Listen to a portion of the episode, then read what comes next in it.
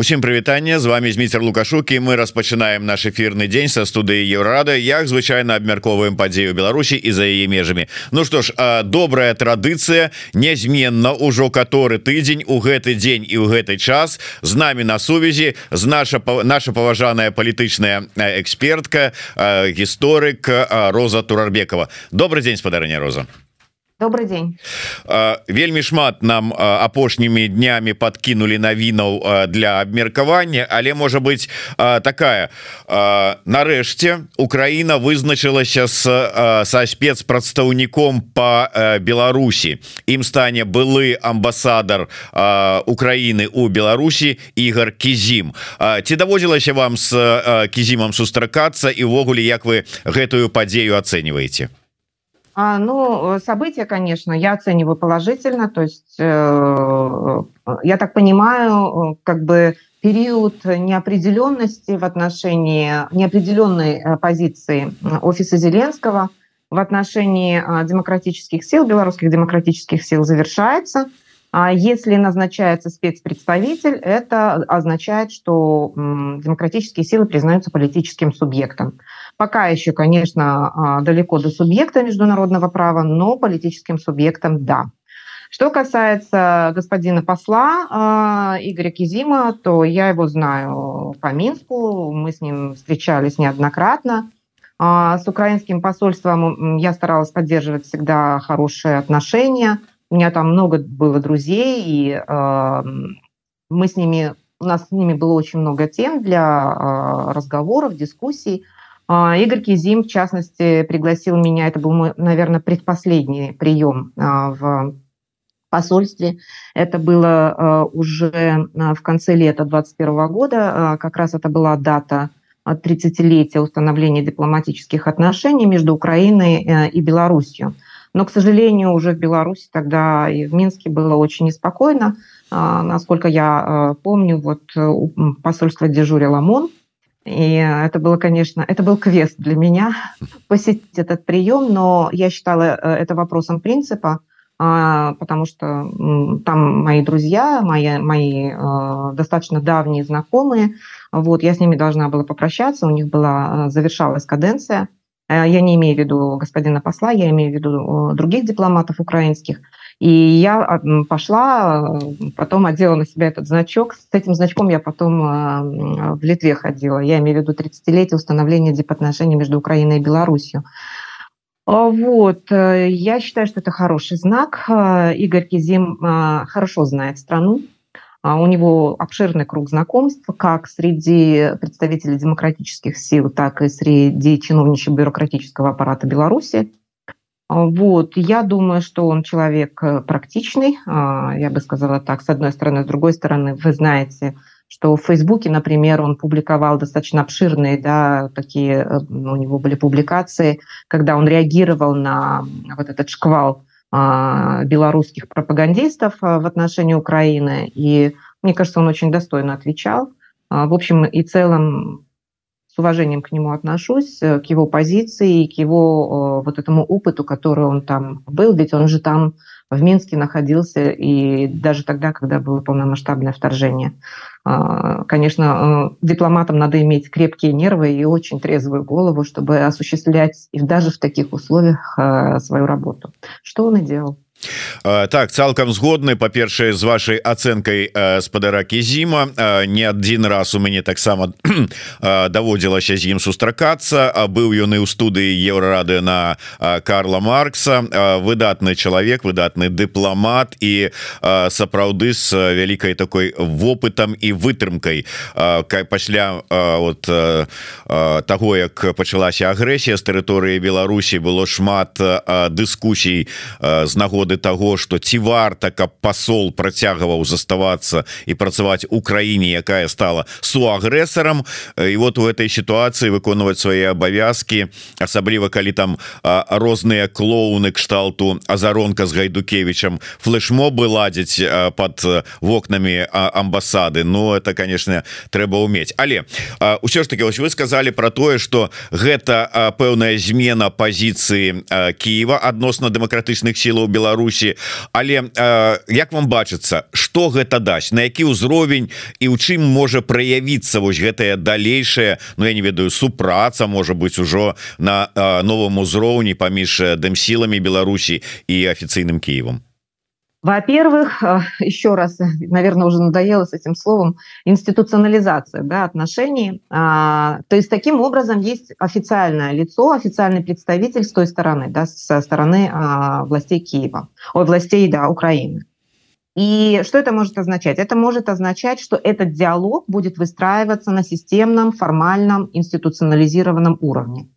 А, может быть, стоит ожидать что-то вроде стратегического диалога, как это с Соединенными Штатами. Вы знаете, что проходил ряд встреч в разных форматах, а, в том числе, скажем так, э, с привлечением а, официальных лиц, в первую очередь, контакты на уровне Верховной Рады, а, но а, на уровне, скажем так, э, исполнительной власти контакты были э, не такие э, частые, и эти контакты, как правило, носили такой характер, то есть люди отдельные, да, представители ОПК встречались, например, с Михаилом Подаляком, там это было там несколько встреч. Но это все, э, это все эпизоды. А чтобы эти эпизоды складывались в определенное направление, для этого необходим вот такой вот э, такая, такая фигура или такое назначение. Человек, который теперь работа которого является установление диалога, его развитие и развитие сотрудничества. Это его непосредственная теперь работа. То есть он каждый день должен работать над этим. Не просто там отдельные эпизоды, не просто там на уровне там приехали, встретились и, и, и дальше что? И дальше опять провал, да, например. Вот, а постоянное представительство. Хорошо, что в свое время а, кабинет а, и Тихановская нашли возможность а, назначить своего представителя, да, а, я имею в виду э, господина Манько. Вот. Но это, это как бы все наши желания. А когда идет встречная как бы, работа, это уже совсем другое дело. Поэтому я ожидаю формализацию, институционализацию и интенсификацию. Я так люблю всякие эти, знаете, выражения. А, я думаю, что 2024 год вполне возможно, что он э, станет в этом отношении для нас более благоприятным. Несмотря на то, что внешняя среда а, и контекст международных отношений складывается не в нашу пользу, я имею в виду не в пользу Украины и не в пользу белорусских демократических сил, к сожалению, пока. Вот, э, но я очень рада, что э, в Киеве, а, в частности, в Министерстве иностранных дел, ну, я так понимаю, конечно, в офисе э, Зеленского, было принято такое решение. Значит, они мыслят стратегически, а, значит, они думают о будущем, Будущее, конечно, не с режимом Лукашенко, будущее как раз именно с белорусскими демократическими силами. А, необходимо а, как бы делать ставку именно на это. Кстати говоря, большое спасибо а, нашим западным партнерам. Они подали пример, я бы сказала так. Я думаю, что это в том числе и это сыграло определенную роль. Спасибо. Ну вось дарэчы адкрыю невялічкі сакрэт. Я адначасова перапісываўся са спадаром кізімам зараз. І запрашаў яго на эфіры віншаваў з прызначэннем на што ён мне адказаў что пакуль что такога прызначэння не адбылося. Піша Мабыць хтось выдаў бажанне за дзейсне Ну але піша пытанне укруціцца у так бы мовіць калідорах адпаведных а Ну і абяцае як толькі такое прызначэнне адбудзецца абавязкова прыйсці до нас на эфир тым не менш ось паспяшаліся назваць гэтую пасаду на якую будзе прызначаны Ну Мачыма і спадзяемся спадаркі зім спецпрадстаўніком Украины по Беларусі. Ён піша что хутчэй за ўсё гэта ўсё ж таки будзе не спецпрадстаўнік а посол с по асаблівых даручэннях так это будзе гучаць. Тым не менш вельмі спадзяюся на тое что сапраўды менавіта такое прызначэнне адбудзецца.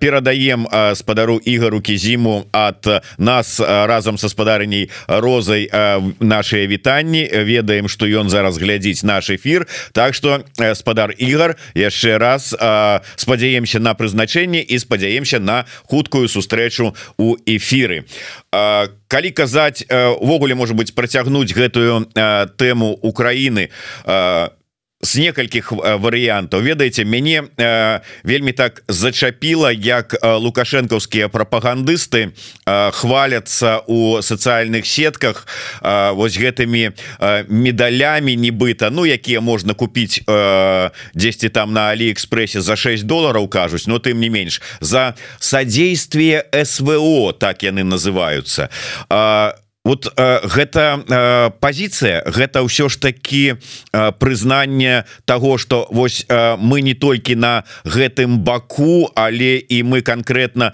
подписываемся над под усім тым что робіць Россия в Украине Думаю, что да, э, они изначально не скрывали своей вот этой поддержки, некоторые бравировали этим, некоторые даже ездили туда. А я имею в виду там Донецкую область, кто-то даже, по-моему, доезжал до Мариуполя, я сейчас э, э, не вспомню, кто именно. А, конечно, они себя считают сопричастными, у них все с точностью да наоборот, то, что мы считаем минусом, они считают плюсом. Но я думаю, что эти медали, если они настоящие, да, я не знаю, кто им там вручал их, если они настоящие, то они в будущем станут э, доказательством их сопричастности к военным преступлениям, возможно.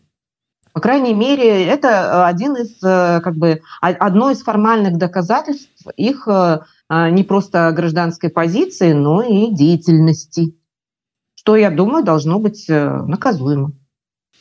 Ізноўку узнікла там пытанне про гатоўнасць беларускай арміі далучыцца да расійскай агрэсіі і уступіць у вайну. Ось Э, азараў э, выступіў у інтэрв'ю э, украінскаму тэлебачанню с этими словамі у той же час скажем там камандуючы сіл украінскіх узброеных якія вось знаходяцца на мяжы Украіны і Беларусі такое ну как бы мінімальным лічыць что такое магчыма з чаго на ваш погляд увогуле гэтая дыскусія аднавілася Я думаю, что это часть э, определенной пропагандистской кампании с целью опять э, а, как бы привлечь внимание к белорусской границе, оттянуть э, определенные силы от фронта на белорусскую границу.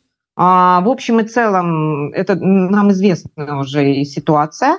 А вот единственное, что меня настораживает, вот эта попытка, возможно, в будущем, да, формирование этих диверсионных групп, которые могут совершать диверсии, и а, возможно, что они будут э, делать это с территории Беларуси.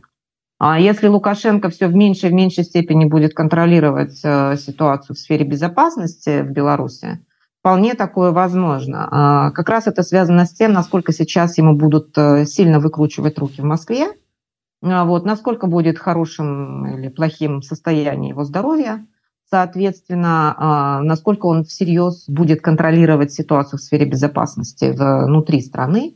А, вы же слышали, да, по-моему, была новость про какие-то там а, э, перестрелки или стрельбища под Минском, что вообще само по себе признак плохой. То есть э, понятное дело, что ну, сейчас начнут, наверное, валить на каких-нибудь э, партизан или еще что-нибудь в этом роде, да, но сама по себе новость не очень хорошая. То есть, в принципе, э, сценарии здесь могут делиться там на плохие, очень плохие и ужасные. Я надеюсь, что все-таки сценарий будет э, плохой, то есть э, та ситуация, которая сегодня а, поддерживается, вот статус-кво, российские войска с территории Беларуси выведены, стрельба с территории Беларуси, обстрелы с территории Беларуси не ведутся. Я надеюсь, что такая ситуация останется и дальше. Это, в, в этом заинтересована и белорусская сторона, даже режим.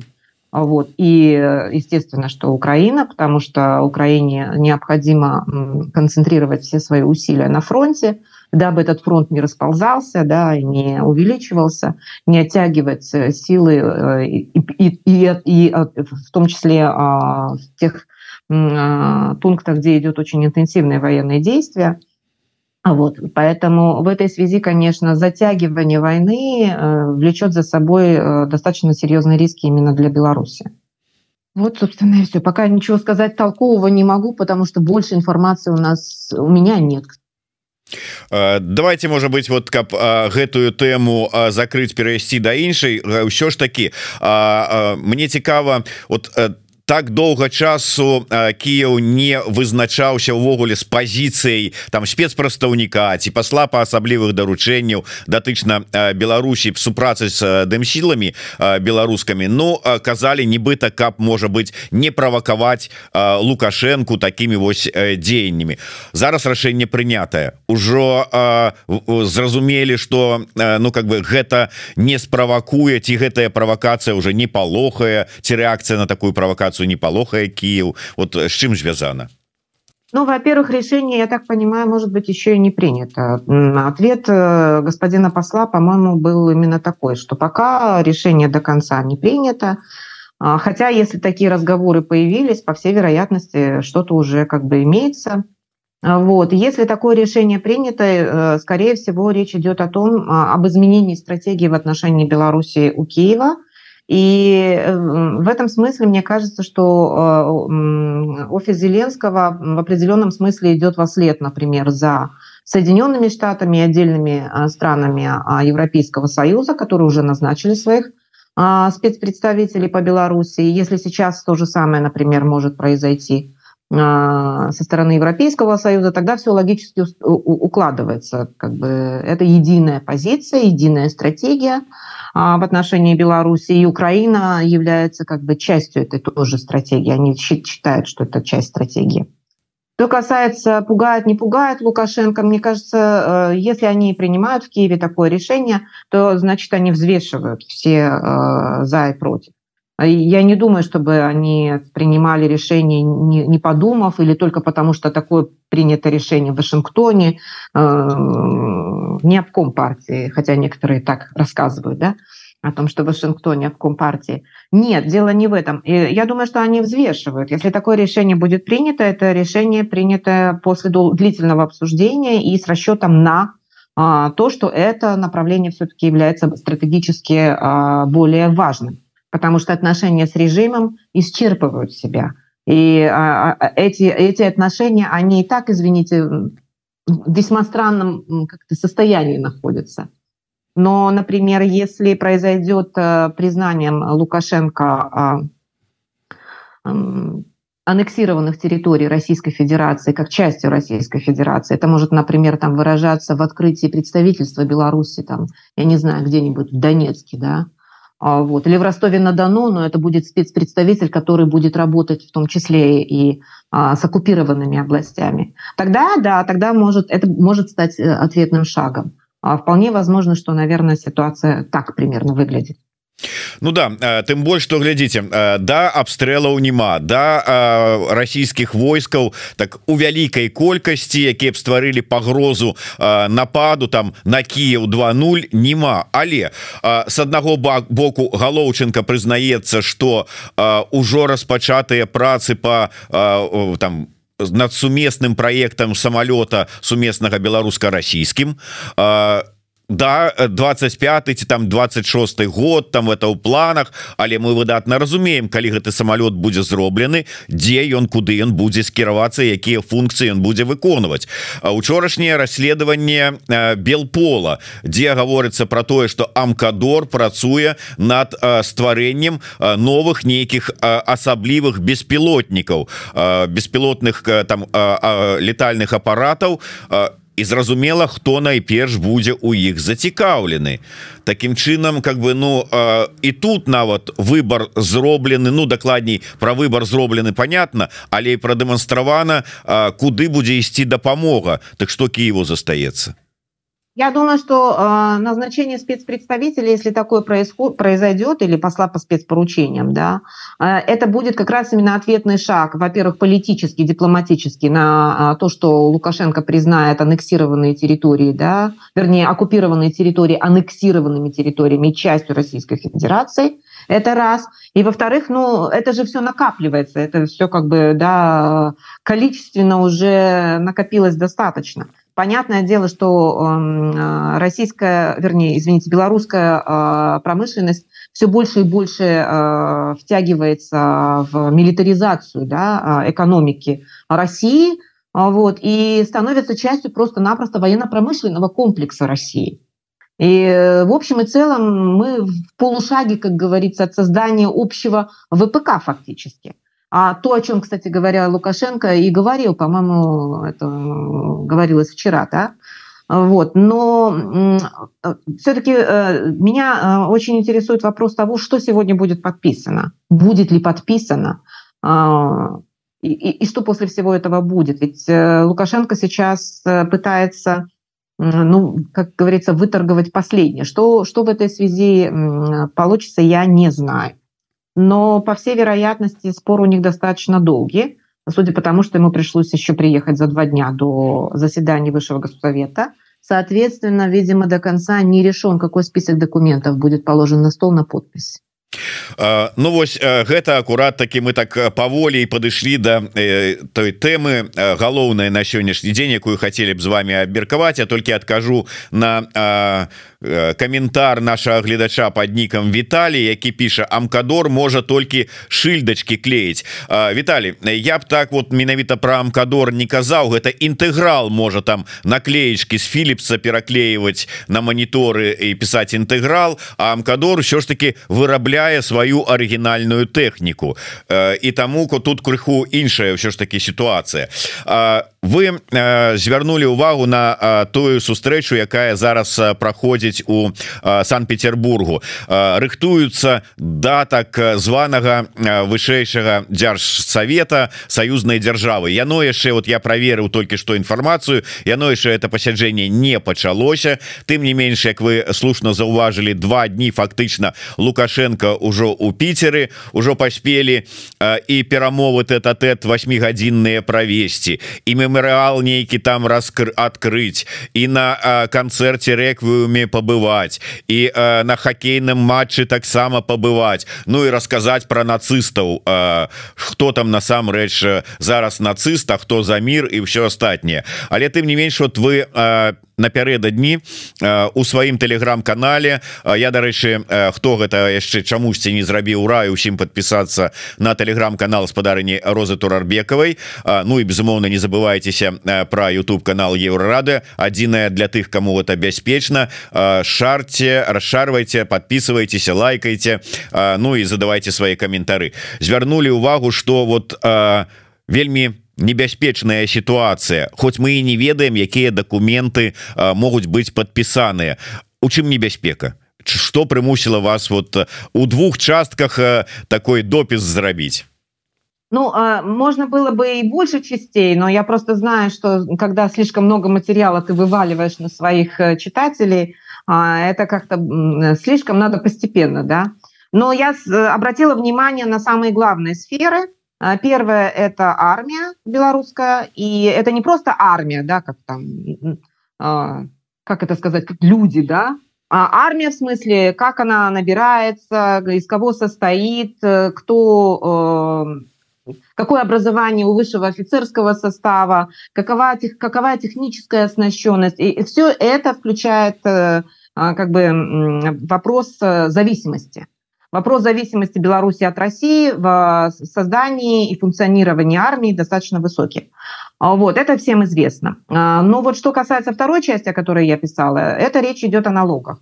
А, и тут я уже э, считаю, что самой опасной сферой э, сотрудничества Беларуси с Россией в так называемом союзном государстве как раз является создание единого налогового пространства. Почему, отвечаю на вопрос, потому что налоги являются исключительной прерогативой э, деятельности национального государства. Этим измеряется суверенитет. Если вы добиваетесь и боретесь за независимость, то в первую очередь вы боретесь за что? За право собирать налоги, э, право их назначать, увеличивать или уменьшать. Потому что таким образом вы определяете бюджет страны. Уже не говоря о том, что ну, это, это и есть с чего начинается государство. Государство начинается со сборов. А вот. И э, если вы не контролируете этот процесс, если, если этот вопрос а, полностью э, зависит от вашего союзника, то э, вот это как раз вопрос потери суверенитета. Частично уже э, это совершено по части косвенных налогов. Была создана эта единая информационная система администрирования косвенных налогов, где действуют единые налоговые ставки для, для Беларуси и России. И в этой связи белорусы почувствовали это только тогда, когда а, увидели, какая цена на сигареты, например, да. Вот. Но это только маленькая часть. На самом деле речь идет о том, что Беларусь теряет свое суверенное право контролировать свое, свои налоги. Не в смысле она, Беларусь, не собирает свои налоги. Нет, до этого пока еще дело не дошло. Пока. Вот. А в смысле а, размеры налогов сейчас определяются Россией, по российским стандартам, я имею в виду косвенные налоги. Следующий шаг, это было прописано в плане интеграции, следующий шаг, распространить эту систему на прямые налоги. Ну все, до свидания. Налоговый суверенитет или суверенитет да, по части сбора, а, вернее, извините, по части назначения а, налоговых сборов будет утрачен.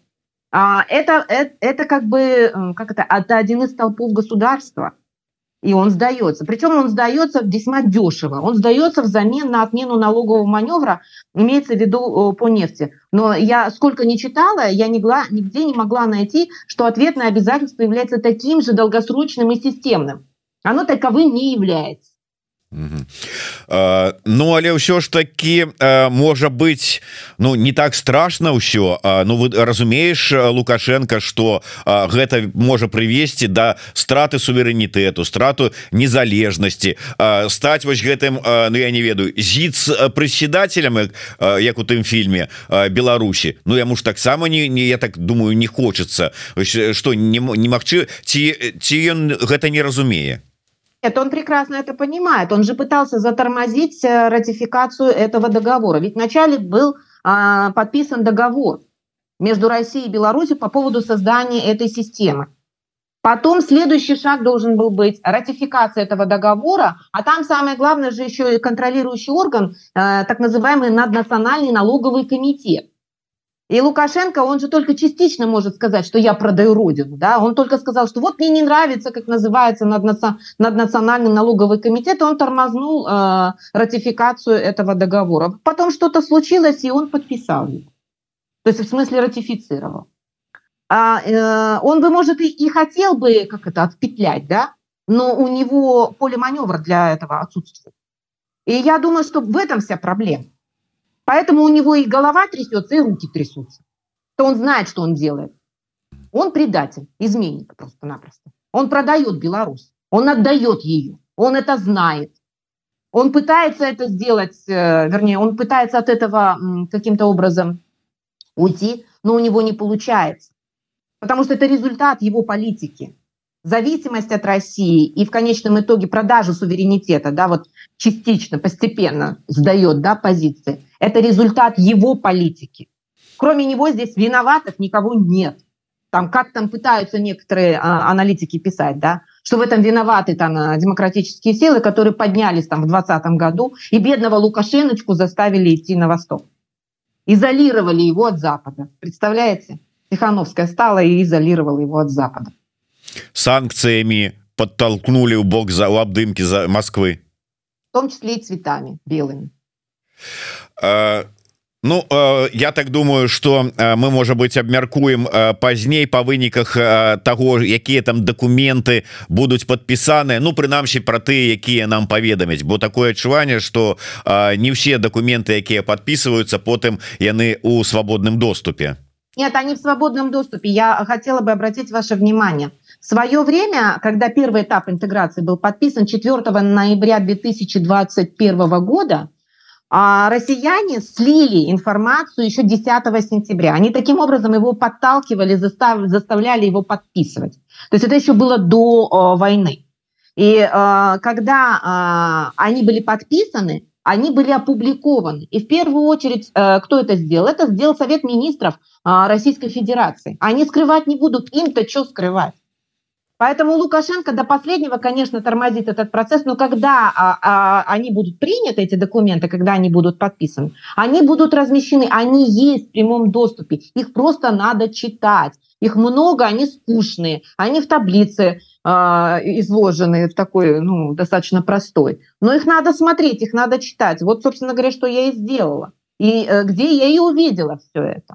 Оно вот так на поверхности вам не расскажут и не объяснять. Вот в этой части мы отдаем белорусский суверенитет. Нет, конечно, там огромный документ, вот эти 28 союзных программ, каждая союзная программа написана на их, а, извините меня, бюрократическом языке, абракадабра, да, но если вы хотите выяснить, в чем дело, вам придется это прочитать. Это как с таможенным кодексом Евразийского экономического союза, который там 600, по-моему, страниц, но его надо читать.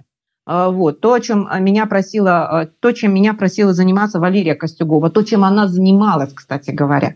Она этим занималась, очень внимательно читала все документы. Она всегда мне говорила о том, что «Роза, если нет документов на белорусских сайтах, они есть на сайтах у россиян. Потому что им-то что скрывать? Для них это победа. Вот для гэтага вы нам и нужны эксперты каб не толькі э, патлумачыць але і прачытаць вот э, бо э, знаете ли не кожны прачытае э, здолее пробіцца праз гэтыя э, дебры бюрократычных э, э, по пабудову фраз. Э, я до вас як да гісторыка. Я вот узгадаў э, на пачатку нашай размовы что яны там паспелі мемарыал открыть і там гучалі ізноўку словы. Мы мирные люди мы не хотим войны но перед нами нами снова поставлен вопрос о праве на жизнь. А, Ну и потым что мяне зацапіла конечно вельмі моцна гэта уже вяртаючыся да, пытання Украины. Ізноўку прогучала фраза про тое як это зараз я вот э, они вернутся к нам деваться им некуда вот что гэта? Вот на кого гэта вот все разлічанное вот кому яны вешаюць лапшу на уши? Сами сабе ці что вот кому но я так понимаю что еще в России начинается кампания ну в Беларуси компанию предвыборную сложно назвать компанией потому что это уже давно не компания а вот, но в России-то есть еще компания. Сейчас начинается президентская кампания. И я думаю, что Лукашенко таким образом, как всегда, да, э, пытается продать свои поцелуи. А вот. И вот он так выражает их, там, в том числе и подыгрывая э, имперским этим э, желаниям да, и устремлениям не только Путина, но и достаточно большой части российского общества, которое просто, ну, не беру сейчас судить, да, Дурманина, да, этой идеологии русского мира, но возможно, что не просто одурманено, а как бы это является одной из э, таких э, основ, что называется, их э, а, политического сознания. Поэтому в, в данном смысле ну, это беспроигрышный вариант. Мы восстановим, мы вернем, вернем наше великое имперское прошлое. Вы обратите внимание, сейчас вообще это становится чуть не то чтобы мейнстримом, но становится популярным там. А, в Венгрии там эти правые, да, кто-то там заявил о том, что в случае, если Украина там проиграет, то они там Закарпатье себе там оттяпают. Угу. Турки, значит, себе э, там тоже часть э, как бы таких же горячих голов публикует или показывает карту Турции, включая Кипр, там еще там что-то, по-моему, Сирию, да. То есть, ну, как бы все, ящик Пандоры открыли, пересмотр границ, это же страшная вещь, реально. А китайцы, Поэтому... китайцы молчать, не? Э, там это э, часово страченные ну, территории, как там? У них уже давно эта карта есть, и, и включая там и Центральную Азию, и Сибирь, и еще что-то. Ну, короче, кто, сейчас, конечно, кто в лес, кто по дрова, будут вначале эти, э, как это сказать, популисты, а далее что будет непонятно, потому что ну, вот это э, раскручивается этот дискурс, связанный с пересмотром границ. Соответственно, обращением там какое-то там великое прошлое имперское, ну просто это реально страшная вещь. Реально страшно. И вы, вы, вы же видите, что конфликты возникают а, ну, не то что на пустом месте, да, но их становится все больше. И там, скажем, кто не вдохновится тем, что Азербайджан вернул себе назад на Горный Карабах? Или Россия да, аннексировала Крым. Каждая э, там шишка да, на ровном месте сейчас думает о том, что они могут э, вернуть там что-то себе назад. Вот в Аргентине тоже э, избранный президент заявил о том, что хотелось бы вернуть да, те самые Фольклендские Мальвинские острова. Это ящик Пандоры, который открыла Россия. Э, давайте может быть яшчэ трошку на да такой міжнароднай повестки як кажуць але у звязку з Беларусю 25 студзеня э, Рада Европы э, приняла чарговую резолюцию по Беларусі Ну там вот по выборах ужо загадзя сказали что выборы вынікі так званых выбораў не будуць прызнаныя Ну хотя б тому что калі міжнародныя назіральнікі не допускаются до выбораў і все сродки правовой обороны адсутнічаюць свабодных і справядлівых выбораў быть не можа заявляется в резолюцыі ты не менш у резолюцыях апошніх вот недавно прынятых парламенской ассамблеі Совета Европы было были заклікі да спынення рэплі рэпрэсій да вызвалення палітвязняў да асуджэння дзеянняў гэтак далей гэтак далей гэта чаргу выказыванне чарговы раз заклапочанасці і не больш за тое вот скажите мне як человек що ж таки які разбирается у дзеянні гэтых міжнародных структур і механізмаў. Які-нибудь ну практычны вынік от этих резолюций ёсць і нема Ну, во-первых, конечно, практического результата от э, резолюции, извините меня, парламентской ассамблеи Совета Европы не стоит ждать, потому что у парламентской ассамблеи Совета Европы нет своего министерства обороны, или там Министерство экономики, они не могут издать executive order, как там, например, а, президент Соединенных Штатов, э, и в результате этого будут приняты санкции. Да? Совет Европы вообще функционально, он совсем это другая организация. Но Совет Европы – это совесть Европы, как э, ну, так условно я для себя говорю, да, и а, то, что они дали такие очень резкие политические оценки, это сигнал в том числе и для европейских политиков и бюрократов. Вы же видите, что про Беларусь фактически уже забыли. Вы же видите, что Беларусь фактически уже не в повестке. И тут парламентская ассамблея Совета Европы принимает такую резкую резолюцию, осуждающую выборы, которые еще не состоялись. Какой-то сигнал. Сигнал Европе заключается в том, что, ребята, ну как бы в этой стране уже э, происходит, э, э, как бы совершаются преступления даже против человечности. А, а, а, а вы не обращаете на это внимания. Кто-то там пытается продолжать даже торговать, и возрастает рост торговли, идет. То есть, несмотря на все как бы там э, вроде бы устоявшиеся мнения о Лукашенко и режиме, несмотря на это, сейчас происходит как бы возобновление торговых отношений, связей и так далее и тому подобное. И в этой связи, когда парламентская ассамблея, парламентская ассамблея Совета Европы принимает такой документ с такими оценками, это сигнал. Это сигнал, который, по идее, должен быть услышан а, европейскими политиками, а, европейскими бюрократами, но и самое главное, на национальном уровне тех стран, которые а, как-то там говорят о том, что там все улеглось, и вам там ничего не угрожает, да, когда отказывают беженцам. Ну гэта чуюць людзі якія звяртаюцца по дапамогу что что дзіўна не толькі у Швецыі але і вот у Германії такое ж адбоецца вот гэта вот як з гэтым можна змагацца? Вот ёсць якія-нибудь інструменты? Здавалася б стока сустрэч на такім узроўні стока абяцанняў пачулі. І вот а потым прыходзіш на таким низавым узроўні к бюрократу і чуеш такое. Вот это як Ну, это все к вопросу о миграционном законодательстве. А, миграционное законодательство, в принципе, миграционные департаменты а, в европейских странах, они являются а, автономными, раз. А, там Министерство иностранных дел не может им ничего там указать, приказать. Это вообще будет расценено как коррупция, кстати говоря. А, вот, а, это первое. Второе, а, что касается миграционного законодательства, это национальная прерогатива. Оно не относится к общеевропейскому законодательству, я имею в виду сфер полномочий. Да? Соответственно, каждая страна имеет свое миграционное законодательство. После 2015 года миграционного кризиса произошло ужесточение миграционного законодательства. Во-первых. Во-вторых, как вы знаете, что в странах э, Европейского Союза, особенно в Западной Европе, сейчас поднимаются правые популисты, которые делают вообще себе рейтинг и э, приходят даже э, к ну, победе на муниципальном уровне на вот этой антимиграционной риторике.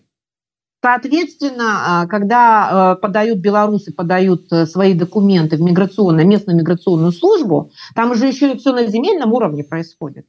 Вот там на месте, конечно, какие там, какая Беларусь, где-то какие-то там права человека. Ну, Украина, война, не знаю. А вот Беларусь, права человека, это, это очень далеко для них. А что для них э, как бы близко? Близко для них, во-первых, их, ну, они руководствуются исключительно только буквой закона, своим собственным миграционным законодательством. Кстати говоря, в Германии принят новый закон о гражданстве, он облегчает э, процедуру э, принятия гражданства. Но это к вопросу, это только адресовано к тем, которые э, э, уже имеют там ВНЖ. Да. Для них это это это не это не не для белорусов. То есть для белорусов но которые живут там уже достаточно давно. Там гораздо большее значение имеют другие вопросы. Например если у вас контракт? Насколько вы кредитоспособны? А, если вы открыли предприятие какой у вас доход? Если у вас все это есть э, плюс немецкий язык все супер причем тут права человека преступления против человечности в беларуси ни при чем Нету там в миграционном законодательстве такого. Когда речь идет о беженстве, там, знаете, какая история? Первое, э, что, о чем, на что они обращают внимание, это наличие вооруженных конфликтов. Второе, это э, так называемый список, э, это УВКБ ООН, а, дает такой список этнических и религиозных групп, которые подвергаются, там, я не знаю, преследованию, геноциду, физическому там, и так далее и тому подобное. Вот, например, как там, я не знаю, езиды. Вот. Или как эти в этом в Афганистане, забыла еще одна этническая группа шииты тоже. Вот, они внесены в список УВКБ ООН. Белорусов там нет. Вот в этом списке. Раз. В Беларуси нет в списке стран, где, где э, есть вооруженные конфликты. Два. Все. Оснований нет з гэтым зразумела. Незразумела увогуле с гэтымі спіскамі і увогуле з ООН. У што ператварылася гэтая структура э, на фоне гэтых скандалаў? Мы з вами уже неяк абмяркоўвалі так с э, пэўным таким я не ведаю таким э, ну скепсіс не скепсіс но сітуацыю калі у іх быў цэлы аддел э, які працуе там да на дапамогу сектару газа Палесціны і ў тым аддзеле колькі там ці то 10 ці то 30 тысяч чалавек і зараз вот гэтая вся сітуацыя ці не нівелюе на ўвогуле сам статус этой арганізацыі і ці не ставіць под пытанне увогуле как бы наколькі эта арганізацыя ну на сёння релевантна Ну, речь идет о, как это сказать, о представительстве ООН в конкретном регионе. А, туда набирают кого, да, там став, из кого состоит. Вот, если э, часть это местные а, жители, то естественно, что а, риск того, что туда попадают люди с определенными да, политическими как это сказать, э, взглядами э, достаточно велик. Но э, мы все имеем право на политические взгляды, но мы с вами не все являемся членами да, террористических групп. Вот. Но эта история с ООН, она достаточно показательна. Почему? Организация Объединенных Наций длительное время, как и Европейский Союз, длительное время являлись донорами а, Палестины. И они увеличивали там э, офисы, там было очень много программ, туда очень много вкладывалось э, средств. Там это целое направление. А, Палестина это всегда было в фокусе внимания Организации Объединенных Наций. Поэтому э, то, что там такой большой штат, этому я не удивляюсь. А, вот. Но мне на ум приходит другое еще сравнение. В свое время, когда Соединенные Штаты занимались, у них была миссия тренировки, подготовки, поддержки афганских сил безопасности, а, когда они набирали людей в афганские силы безопасности, обучали американские военные, набирали афганцев, вот, то а, в ряды этих э, новобранцев, да, курсантов, условно, а, попадало очень много талибов. И вот они, понимаете, была история такая, но она была не единственная. Они их обучали, Э, как там обходиться с оружием там и так далее, военному делу, да. А те в ответ, когда получали в руки это оружие, стреляли в спину своим инструкторам. Это одна из самых показательных, э, э, как это, историй, которые нам с вами говорит о том, что международные организации или большие акторы, когда приходят на Ближний и Средний Восток и пытаются что-то, как это сказать, улучшить или что-то дать, Многое получается, конечно, но вот риск таких вещей там достаточно велик, потому что там все очень сложно в этой связи. Ну, можно и поподробнее, если Ну тут э, на жаль трэба э, нам паціху как бы так э, набліжацца до завершэння я б хацеў з вами яшчэ одну тэму абмеркаваць штосьці на жаль столькі каментароў что я зараз не знаходжу той каментар які быў на самом пачатку зараз хвіліначку Ох аж 6 сторонок у мяне тут каментароў было пытанне з нагоды сітуацыі у ЕГУ с адлічэннем дзяўчыны студэнткі якая написала заяву на вось выкладчыка абвінаваціўшы яго ну о харасменце там усім астатнім Як вы ацэньваеце ўсю гэтую сітуацыю гэта что вот здавалася б еўрапейскі э, універсітэт э, структура якая ну павінна адпавядаць усім нормам патрабаванням э, не толькі узровень выкладання але і маральным этычным еўрапейскім это вот что? Тое вот что как бы у новой Беларусі нас чакаеш ці что вот такая ситуация?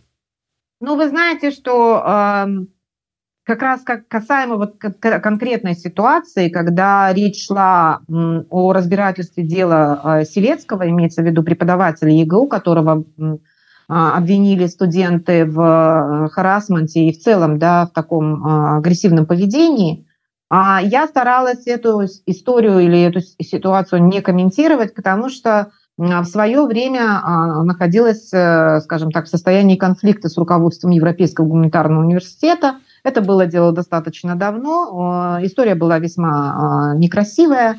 А, вот. Но мы, как говорится, э, конфликт этот завершили, и, на том все. А, вот. Э, ЕГУ э, с тех пор у руководства, у, у руководства ЕГУ там произошли определенные изменения, но, к сожалению, вот этот вот эта корневая проблема репутации, она продолжает оставаться на повестке дня. И сколько раз было объявлено о реформировании ЕГУ, но, к сожалению, э, по всей вероятности, это не принесло э, желаемых или искомых э, результатов.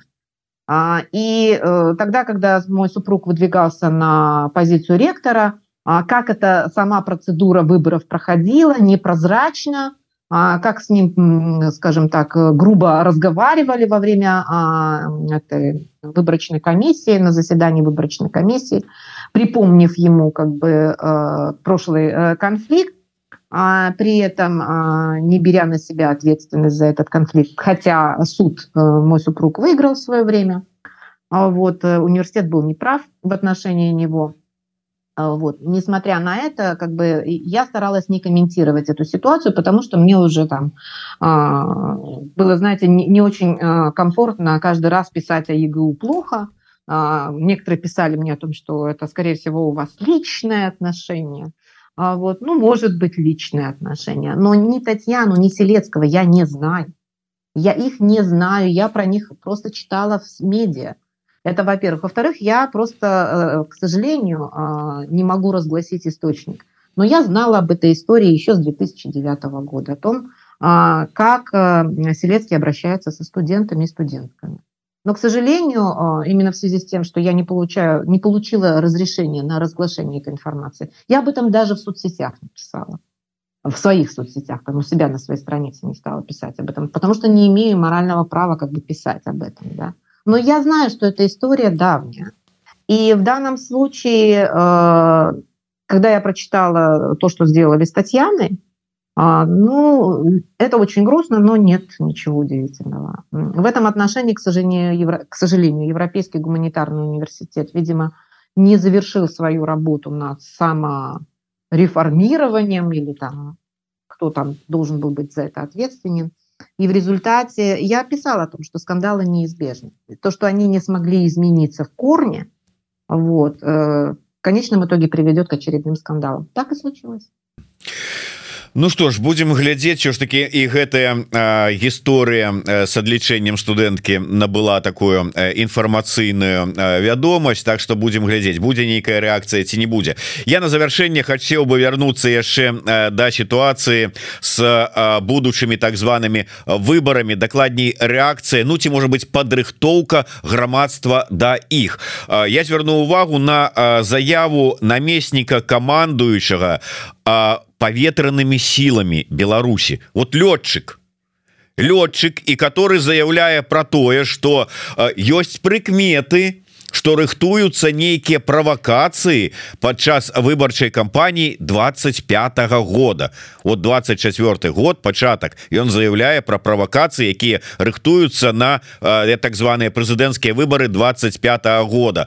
І маўляў тому что ну вот запусціць які-небудзь э, э, пас, пасажырскі там ці грама цывільны самолет як мы можем э, рэагаваць? Ну бы я э, зразумела мы мор павінны будем яго збіваць. І вот это вот будзе правакацыя узы яшчэ что что гэта вот ім вот рэпрэсій унутры краіны не хапае ім трэба ўжо накруткі за пацукі у вода водаправодзе каналізацыі там ці дзе там. Хутка ўжо это будзе ці не ці уже зараз там летучыя змеі смокі будуць атакаваць Беларусь.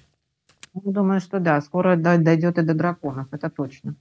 Ох, что я могу сказать в этой ситуации ну ему виднее что они принимают участие уже в это задумки таких провокаций я не знаю но э, такого рода угрозы относительно того чтобы сбивать там самолеты и прочее звучат вообще-то, конечно, достаточно опасно. А, то есть они говорят о чем? О том, что они готовы во время выборов закрыть воздушное пространство. Что, в чем дело? Чего они ожидают?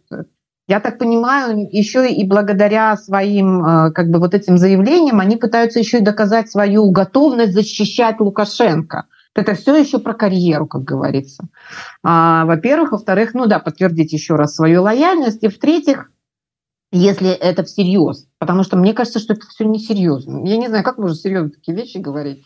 Но если это всерьез, то значит в голове картина мира какая, что скорее всего НАТО прилетит, ну прилетит на выборы и устроит там, понимаешь ли, э, войну.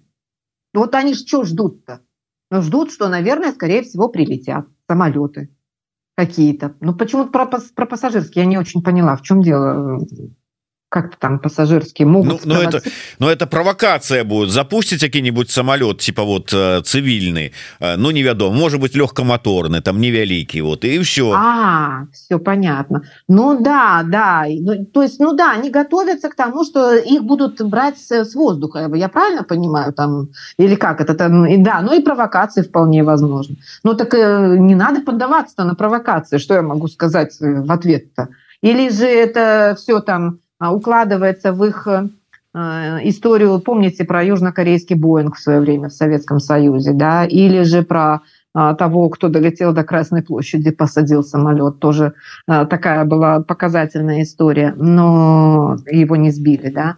Вот, то есть э, я, я не, не очень понимаю. Но я, я так понимаю, что он доказывает свою лояльность и готовность сбивать самолеты, главное защитить Лукашенко и эти так называемые выборы. Вот все, что я могу сказать. Но э, то, что они уже заранее обсуждают, это, это конечно, интересно.